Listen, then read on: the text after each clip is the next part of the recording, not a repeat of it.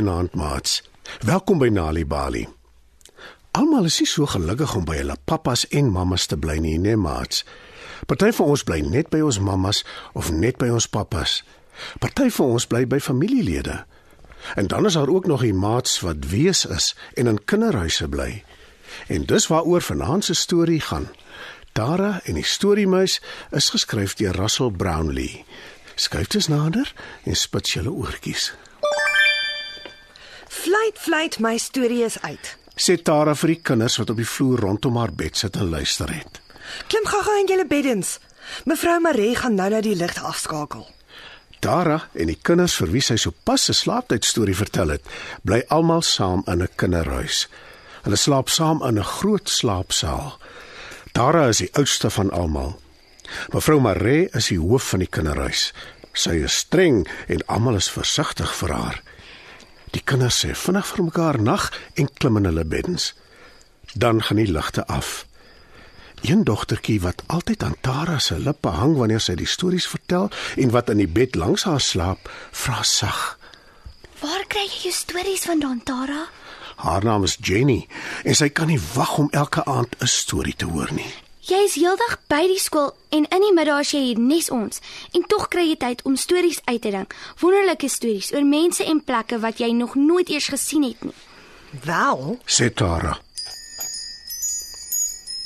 elke aand nadat mevrou Marie die ligte afgeskakel het en almal van julle al vasslaap, dryf daar 'n towerblaar, 'n groot een, amper so groot as ons badkamermatjies, in deur die venster. Dit dryf tot reg voor my bed en hang in die lug. Dan klim ek op die blaar en hou styf vas. Die towerblaar vlieg uit by die venster hoog op in die lug. Dit vlieg oor die stad en oor die groot meer langs die stad. Die blaar vat my ver weg na die wonderlike wêreld waar die storiemuis bly. Jenny is opgewonde en verwonderd en sy wil weet hoe die wêreld lyk en ook hoe die storiemuis lyk. Tara verduidelik dat dit 'n eiland is en dat die muis baie soos 'n gewone muis lyk, maar dat hy 'n bril dra en dat hy kan praat, Maar die heel wonderlikste van alles is sy stert. sê Tara. Hy het 'n stert wat hy heen en weer swaai en wanneer hy in 'n goeie by is, dompel hy sy stert in 'n pot ink en dan verf hy 'n storie in my kop. En dit kilie hoor. Ag nee, nou jok jy. Sê een van die ander dogtertjies wat nou ook begin luister het. Haar naam is Marlene. Toe sê sy, En om te jok is verkeerd. Jy weet dit, né? Ek jok nie. roep Tara uit. Dis alles waar. Wanneer ek na die storie-eiland toe gaan, staan die storiemuis altyd en wag vir my onder 'n groot boom. Dan dans ek vir hom. Hy geniet dit en dit laat hom altyd glimlag. Ek draai al in die ronde. Ek spring op en af. Ek staan op my tone en ek slaan bolle makiesie. Die storiemuis is dol daaroor. Wanneer ek dans, is hy dadelik in 'n goeie by en hy swaai sy stert woes heen en weer en dan dompel hy dit in die inkpot. Dis dan wanneer hy die heel mooiste stories in my kop skryf. Sodra die storie in my kop is, sê ek vir hom dankie. Ek klim op die towerblaar en ek kom terug hiernatoe. Ag, dis net nog een van die stories wat jy self uitdink. Sê Marlene vies. En dis nie waar nie. Ek het dit nie uitgedink nie. Verseker Tara haar. Ek beloof jou, dis waar. Dit klink ook nie vir my of dit waar kan wees nie. Sê Jenny onseker. En mevrou Maree sê ons moet altyd die waarheid praat. Marlene is reg. Voeg sy by.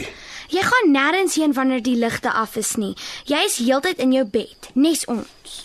Tara is nou baie hartseer. Sy trek die kombers oor haar kop en die trane rol oor haar wange. Haar kussing is naderhand sopnat gehuil, Dalk is hulle reg. dink sy. Dalk verbeel ek my. Daar's nie regtig 'n storie meis nie. Wat was dit? Vra Tara hardop toe sy 'n geluid hoor. Sy trek die kombers stadig af en kyk rond. En ja, so waar, daar is die towerblaar. Dit dryf reg voor haar bed en dit wag vir haar. Sy klim vinnig op die blaar en hou styf vas. Kyk, ek's op die blaar. roep Tara. Maar niemand hoor haar nie, want hulle slaap almal vas. Die blaar vlieg by die venster uit, Maar niemand sien dit nie. Niemand sien hoe sy op op in die lug vlieg nie. Niemand sien hoe sy oor die stad en oor die meer vlieg nie. Niemand sien sy is op die towerblaar nie. Niemand sien hoe sy op die storie-eiland land nie en niemand sien die storiemuis nie. Hy sit onder 'n boom.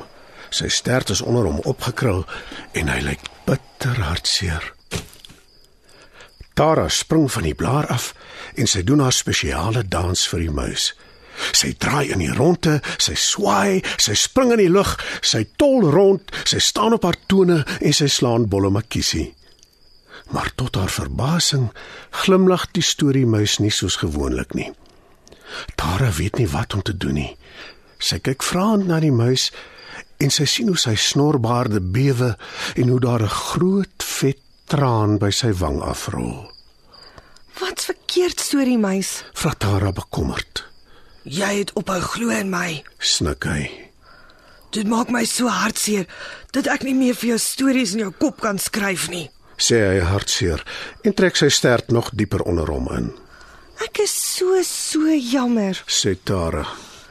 Dit was verkeerd van my.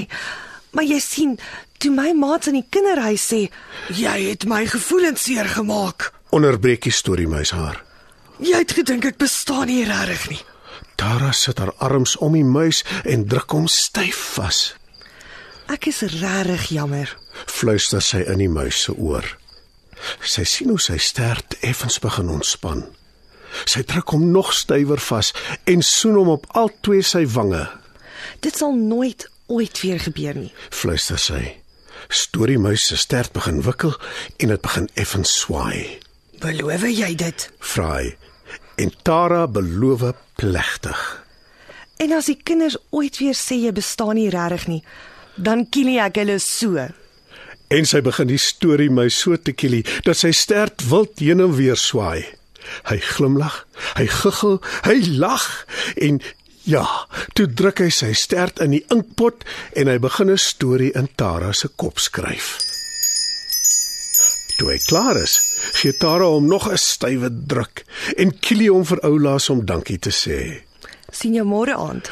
Roep sy toe sy terugklim op die towerblaar voordat dit op op in die lug vlieg om haar terug te vat huis toe. Die storiemuis waai en waai. Hy is so gelukkig dat hy nou sommer self 'n dans uitvoer en 'n reënboog in die sand verf met sy stert. Wanneer kinders tuistories hoor, help dit hulle om beter leerders te word op skool. Vir meer stories om vir kinders voor te lees of vir stories wat kinders self kan lees, besoek ons by www.nalibali.mobi. Daar is heelwat stories in verskeie tale absoluut gratis beskikbaar. Daar is ook wenke oor hoe om stories vir kinders te lees en met hulle te deel sodat hulle hulle volle potensiaal kan ontwikkel. Nalibali is ook op Facebook. En daar is Nalibali stories en aktiwiteite in bylaas van koerante. Story Power. Bring dit huis toe.